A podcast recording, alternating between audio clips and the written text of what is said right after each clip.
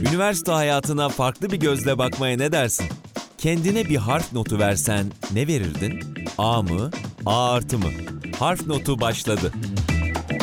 Merhaba sevgili dinleyenler. Harf Notu'nun yeni bir bölümüyle daha karşınızdayız. Bugünkü konuğum Ezgi Bayırlı. Ezgi hoş geldin. Merhabalar, hoş buldum. Nasılsın? İyiyim, teşekkür ederim. Sen nasılsın? Ben de iyiyim, çok teşekkür ederim. Şimdi Ezgi, önce seni tanıyalım. Tamam, peki. Ben psikoloğum öncelikle, uzman psikoloğum. Yaşar Üniversitesi'nde okudum lisansımı. Yüksek lisansımı da aynı şekilde Yaşar Üniversitesi'nde tam burslu olarak yaptım her ikisini de. Şu anda kendi ofisimde çalışıyorum. Bundan önce de Sığınmacılar ve Göçmenlerle Danışma Derneği'nde çalıştım bir üç sene kadar. Pandemi bozdu tabii ki. Pandemi, Ee, pandemi her şeyi bozdu Aynen zaten. öyle, aynen öyle. Hı hı. Şu anda kendi işimde uğraşıyorum. Hoş geldin tekrar Hoş programımıza. buldum.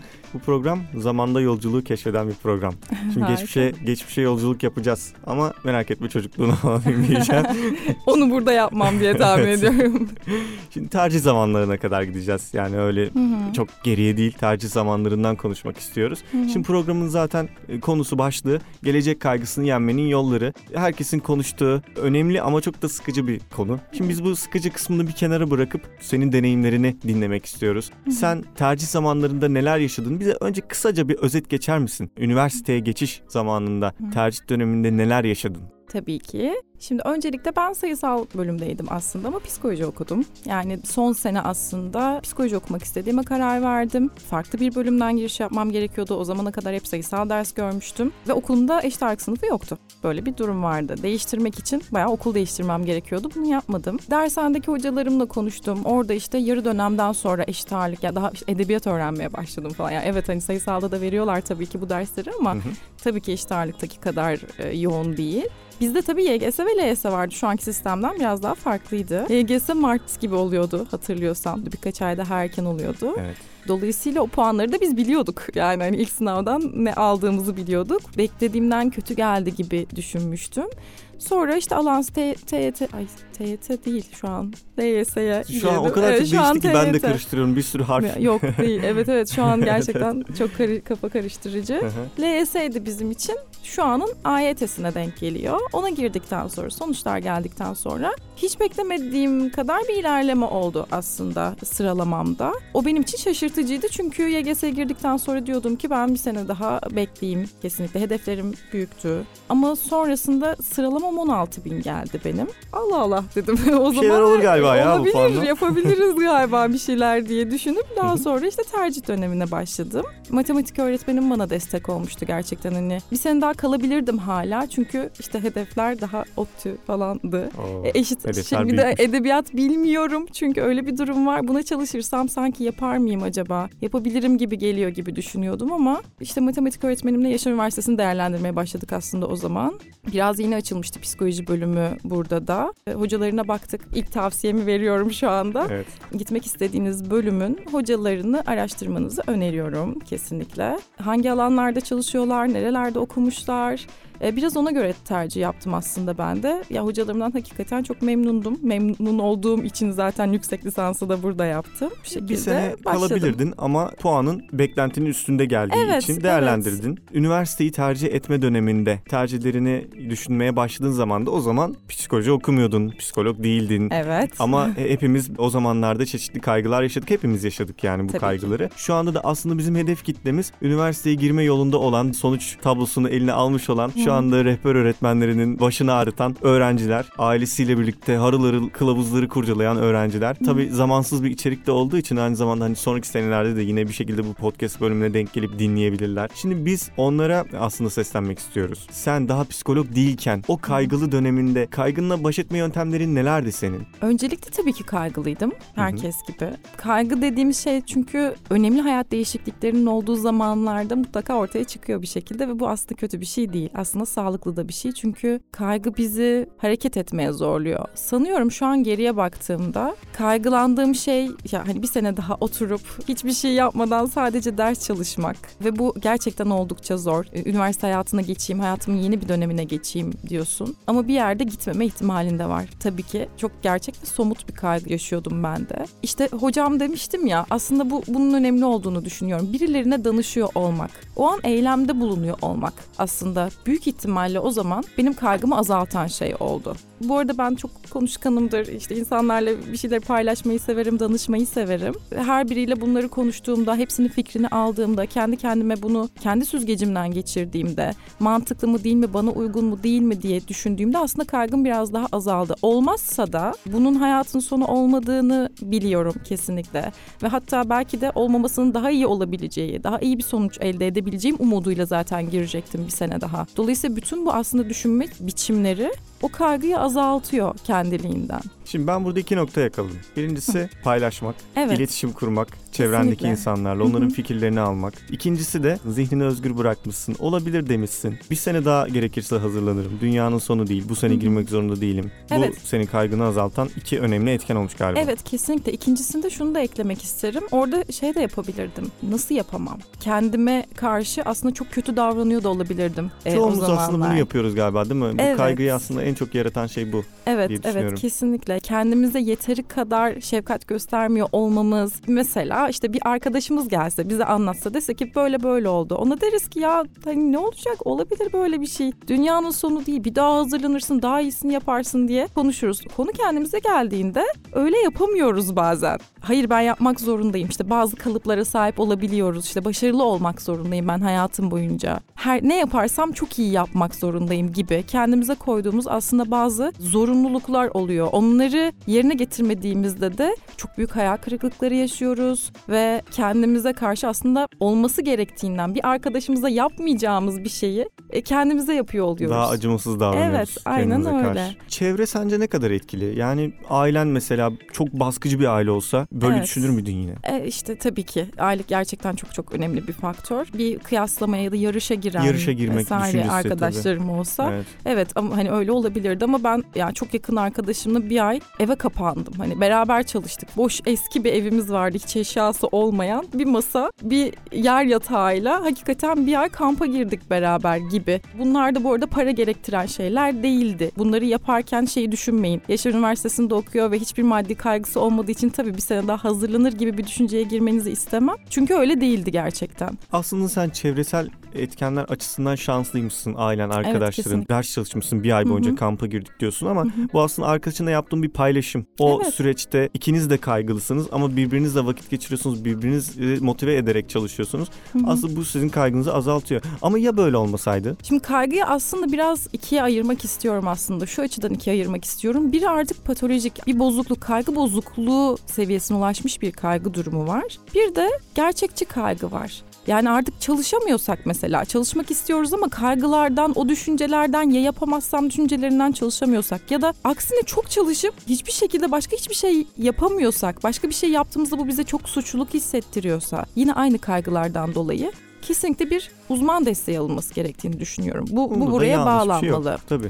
Evet. Diğer türlüsünde ise o gerçekçi kaygı dediğimiz yerde ise bunun aslında çok tabii olumsuz bir şey olduğunu düşünmüyorum. Yani şöyle Bizi bir algımız besleyebiliyor var. tam aksine değil mi? Aynen öyle. Sonuçta korku dediğimiz, kaygı dediğimiz duygu insanın hayatta kalmasını sağlayan, canlı Aynen kalmasını öyle. sağlayan duygulardan diyebiliyoruz. Kesinlikle, kesinlikle. Ben de tam onu söyleyecektim aslında. Çünkü genellikle şu şöyle deneyimliyoruz duyguları. Duygular olumsuz hissettirdiğinde, daha negatif yüklü duygular hissettiğimizde bundan hemen kurtulmak istiyoruz ama aslında duyguların her biri bizim için faydalı ve bize mesaj vermeye çalışıyor. Yani birine öfkelendiğimizde haksızlığa uğradığımızı anlayabiliyoruz aslında orada. Bazen bir kaygı bir şeylerden uzak durmamızı, hakikaten kötü bir şey hani yapmak istemediğimiz bir şeyi yapmamızı engelleyebilir. Ya da hiç kaygılanmadığımızı düşünelim. Sınavı çalışamazdık zaten en basitinden. Evet, yani mi? çünkü bir miktar kaygı taşıyoruz ki gelecekle ilgili. Sınava hazırlanmak için Aynen bizi öyle. motive ediyor. Aynen öyle. hı. Bu iş için de geçerli. Yani bir işte çalışırken de hiç hiçbir kaygınız yoksa o zaman e, yavaş yavaş artık e, işte uygun olmayan Salmaya şeyler yapmaya başlarsınız başlarsınız ve işinizi kaybedersiniz. Eğer bu sağlıklı bir kaygı durumuysa aslında kaygılı olduğumuzu kabul etmek gerekiyor.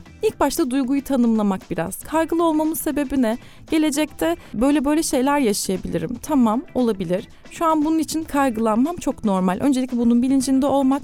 İkincisi bütün duyguların geçici olduğunu bilmek. Bunu çok önemsiyorum gerçekten. Hiçbir duygu, buna olumlu duygular da dahil, kalıcı değiller. Her biri geçici ve bu sonsuza kadar böyle devam etmeyecek. Bir yerde bitecek. Şu anda bunu yaşaman çok doğal ve bunun farkında olarak yaşamaya da izin vermelisin. Yoksa senin yararın olmayan şeyler olacak aslında.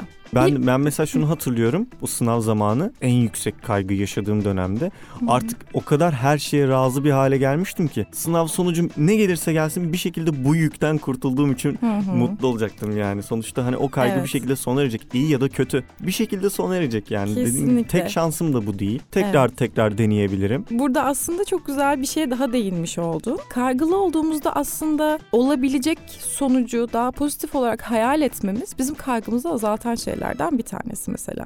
Hı hı. Aslında senin yaptığın biraz o olmuş. O yüklerden kurtulduğun anı hayal etmişsin ve etmişim, bu evet. senin kaygını düşürmüş. Evet. Bu yine önemli bir şey. Bir diğer şey de şu. Hedefleri belirlemek aslında önemli yine. Hiçbir şey imkansız değildir değildir ama yine de kendi durumumuzun çok çok üzerinde bir hedef belirlediğimizde ve bu hedefe ulaşamadığımızda bu bizi yine Bir hayal kırıklığına uğratıyor. Verir? Ve kaygıyı da arttırıyor aslında. Yani hani benim var olduğum birikimim, benim başarı durumum burada. Benim hedefim eğer buna yakın olursa ben biraz daha tatmin olmaya başlarım kendimden. Ve aslında kaygım da azalır. İlk başta belirlediğim o kü- küçük hedefe ulaştıktan sonra belki bir üst, birazcık daha yukarıdaki bir hedefe gelirsem eğer bu da beni aslında çok fazla kaygılı olmaktan kurtarabilir. Ama şu an mesela çok farklı bir noktaya değiniyorsun. Hı hı. Ben mesela Instagram'da motivasyon sayfalarını falan Hı da takip ediyorum. Hı hı. Ya orada mesela görüyorum hep böyle hedeflerin çok yüksek tutmalısın işte paylaşıyorlar. Paylaştıkları insanlar işte Bill Gates'i paylaşıyor mesela. Elon. Musk'ı paylaşıyor. Onların zenginliklerini gösteriyor. İşte hedeflerini yüksek tutarsan onlar gibi olabilirsin. Çok çalışkan olmalısın. Ya bunlar aslında Çok sağlıklı değil. çok yanlış örnekler değil mi? Yani senin de Evet. bahsettiğin gibi çok gerçekçi hedefler değil. Kesinlikle. Evet. Çünkü koşullarımız hiçbirimizin aynı değil. Peki şimdi tüm bu sürecin ardından tüm bu kaygı yönetim süreci artık tercihlerini yaptın üniversiteye girdin. Şimdi üniversite hayatı insanların 18-23 yaş arası zamanlarını değerlendirdiği bir ortam. Tamam Hı hı. aynı zamanda bir eğitim alıyorsun. Hedefine yönelik, meslek hayatına yönelik çalışıyorsun ama yani mesela insan Hı hı. ne düşünüyor üniversiteye girdiği zaman? Aynı zamanda biraz da eğlenmek istiyor, biraz tadını çıkarmak istiyor. O Kesinlikle. yaşları tam böyle deli dolu yaşlar. Peki sen o yaşları nasıl değerlendirdin? Eğitimin dışında neler yaptın o yaşlarında? Ben öncelikle üniversiteyi çok güzel yaşadığımı düşünüyorum. Çok memnunum. İlk sene bu arada benim İzmir'de hiçbir tanıdığım yoktu. Bu arada İzmir çok güzel bir yer değil mi üniversite okumak? Oh, Kesinlikle, deniz, kum, kesinlikle, kesinlikle. O kadar çok tavsiye ederim ki hakikaten asla pişman olacağınızı düşünmüyorum. İzmir'e gelmeyi zaten çok istiyordum ve geldiğimde hiç kimse yoktu. Öncelikle bu da çok kaygılandırıcı bir şey. Buna da değin, değinmek gerekir belki. Çünkü hiç kimse yok. Yani tanıdığım hiç kimse yok. Tamamen yalnızım. Okula da tek başıma geldim. Böyle uçakla bayağı eşyalarımla geldim. Yurtta kaldım. Okulun kendi yurdunda kaldım bir sene. Öncelikle yurtta kalmak da bu arada çok mantıklı bence ilk sene için. Çünkü çevre edinmiş oluyorsunuz. Yavaş yavaş bir işte arkadaş edinme sancılarıyla başladı. Ondan sonrasında ben direkt kulüplere zaten yazıldım. Ritim topluluğuna. Müzik e, yaptın yani. Evet, aynen öyle. Evet. Davul, bendi, ben bendirin ne olduğunu bile bilmiyorum. İsminin bendir olduğunu bilmiyordum daha doğrusu ama çalmış bulundum. Darbuka çalmış bulundum mesela ve bunun yıl sonunda da gösterisi oldu vesaire bir hani sunumu da gerçekleşti. Salsa topluluğundaydım, dans topluluğundaydım ve salsa yapıyordum. Hatta ilk gittiğimde ben hip hop'a yazıldım falan böyle. Üçüne birden Oo. gitmeye çalıştım ama olmuyormuş. Kesinlikle olmuyormuş. Bir tanesini elemek zorunda kaldım çünkü yetişmiyor bu sefer. Dans topluluğunda salsadan devam ettim bu arada yani ikinci sınıfın sonuna kadar sanırım hep orada vardım bir şekilde. Gösteriler için Uludağ Üniversitesi'ne gittiğimizi hatırlıyorum mesela. İzmir içerisinde de bir sürü yerde gezdik, bir sürü üniversitede gezdik. Çok çok keyifli bir deneyimdi çünkü bir yandan sahneyi deneyimliyorsunuz, bir yandan dans etmeyi zaten çok seviyorum ve bunu gerçekleştiriyorum. Benim için harika deneyimlerdi. İyi ki yapmışım diyorum yani kesinlikle. O kostümler, makyajlar falan. Oh, harika çok, müzikle iç içe. çok Müzik güzeldi. ve dans iç içe bir üniversite hayatın olmuş yani. de. Ya bu arada ben hakikaten üniversitede sadece akademi akademi sadece ders ders gidilmesini pek doğru bulmuyorum açıkçası. Bu kişisel fikrim hani psikolog kimliğimin dışında söylediğim bir şey. Ha, bu arada psikoloji açısından da yanlış değil diye düşünüyorum. Çünkü hakikaten yaşanacak çok çok güzel yıllar ve niçin sadece akademide kalalım? Çünkü zaten hayatımız boyunca onun, onun içerisinde kalmaya devam ediyoruz bir şekilde. Kalmak zorunda oluyoruz. İşlerimizi idame ettirmek için zaten kendimizi geliştirmek için bunu yapmak zorunda kalıyoruz.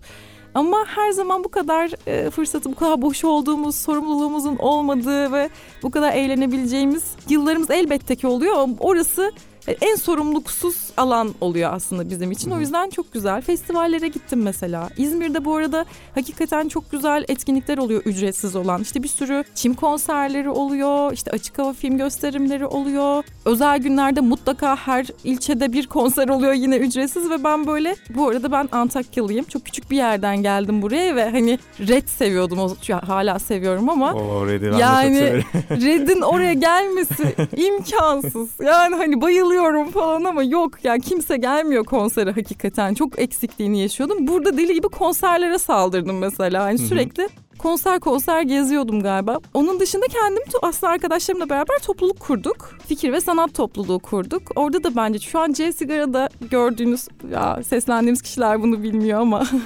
e, şiirler olan bir duvar var mesela. Onu biz yapmıştık ve hani şu an yani mezun olduktan 5 sene sonra lisans bittikten 5 sene sonra buraya geldiğimde hala o duvarı görebiliyorum. Ve bu benim için gerçekten çok çok anlamlı, çok güzel bir şey oluyor. Tam aradığımız konuksun işte şu anda. Üniversitenin sunduğu belli imkanlar oluyor. Topluluklar bunlardan bir tanesi. Çeşitli topluluklara katılıp normalde hı. deneyimlemesi çok zor olan şeyleri çok kolay bir şekilde deneyimleyebiliyoruz. Üniversitenin sunduğu imkanlarla birlikte sosyalleşiyoruz. Ortak ilgi alanlarına sahip insanlarla tanışıyoruz. Böyle etkinlikler yapıyoruz. Dans, müzik, şiir, edebiyat dolu bir üniversite hayatı geçirmişsin. Ne mutlu sana. Teşekkür ederim. ya bir yandan hani bunları duymalarını ben de isterim çünkü bunlar durduğumuz yerde de olmuyor. Bunu hakikaten istemek ve hani hakikaten orada bulunmak, ona katılmak, hani en azından ilk adım atıp oraya gitmek önemli diye düşünüyorum. Hani bunlardan kendini mahrum etmemek ya da hani o imkanlar dururken ona ulaşmamak değil de hakikaten varken kullanmak çünkü illaki her üniversite içinde bu, bunun geçerli olduğunu düşünüyorum. Bize hitap eden bir şeyler mutlaka var diye düşünüyorum ben bölüm yani. ya da üniversite fark etmeksizin Kesinlikle, kesinlikle. Tiyatro topluluğu vardı mesela çok sağ, yani iyi çalışıyorlardı. Ya da işte erkek arkadaşım şu an bu arada evlenmek üzereyim şu an Oo, aynı kişiyle. Onu da Yaşar'dan buldum öyle düşünün. o da radyo programı yapıyordu burada iki sene boyunca. Orada Ege Çubukçu'nun hayranıymış küçükken mesela. Onun konu oldu Ege Çubukçu. Aa, yani müthiş bir şey. Ya da işte fotoğrafımız var bu stüdyoda beraber. Son feci bisiklet gelmişti şenliklere. Orada röportaj yapmıştık onlarla ve o zamanlar çok dinliyorduk gerçekten. Gibi gibi. Yani bütün bunlar aslında üniversite sayesinde oldu. artık yavaş yavaş sona doğru gelelim. Bayağı da konuştuk ya. Çok konuşurum demiştim. Şimdi bizim programımızın konsepti olduğu üzere senin Hı hı. bütün bu süreçlerine bir harf notu vermeni isteyeceğim senden. tamam tabii ki. Ben A artı veririm. Yani A ver- artı. veriyorum. Yani en yüksek evet. notu mu veriyorsun? Evet Gerçekten. kesinlikle Hiç kırdığın bir şey veriyorum. yok mu? Ya kendi deneyimleme şeklim için veriyorum hakikaten ya. Ya çok keyifliydi. Dolu Yani dolu geçirdim bir daha diyorsun. yaşamak isterim Eksiksiz, açıkçası. kusursuz her şey kusursuzdu diyorsun yani. Evet öyleydi. Aa, artı Tamam. da sonuçta bir hani Evleneceğin insanı 95-100 bile arası bir puan aralığı var. Evet kesinlikle. daha ne olabilir ki yani Ya bence canım bence. daha ne olabilir? Hani mesleği ne bileyim hem mesleğimi veriyor hem hayat arkadaşımı veriyor hem bir Oo, sürü evet. hobi vesaire veriyor daha ne olsun. Çok O yakın zaman- arkadaşlarım hala çok yakın arkadaşlarım hala hayatımda olan en yakın arkadaşlarım yine bu okuldan. Yani tabii ki tabii ki. Ne Çok mutlu reklam sana. yaptım gibi oldu ama vallahi böyle. Yani gerçekten Yo, durum böyle. aslında, hani aslında kendinle alakalı süreçlerden Evet. bahsettin hep. Evet. Ki, yani demek ki memnunsun, geçirdiğin bu süreçlerden Kesinlikle. memnunsun. Ne mutlu sana o zaman. Teşekkür O zaman ederim. en yüksek puanı veren ikinci konuğumuzsun. Oo, Evet. iyi, süper. Çok teşekkür ederiz Ezgi katıldığın için. Rica Harf ederim. Notu'nun bu bölümü de burada sona eriyor arkadaşlar. Dinlediğiniz için teşekkür ediyoruz. Sonraki bölümlerde görüşmek üzere diyoruz.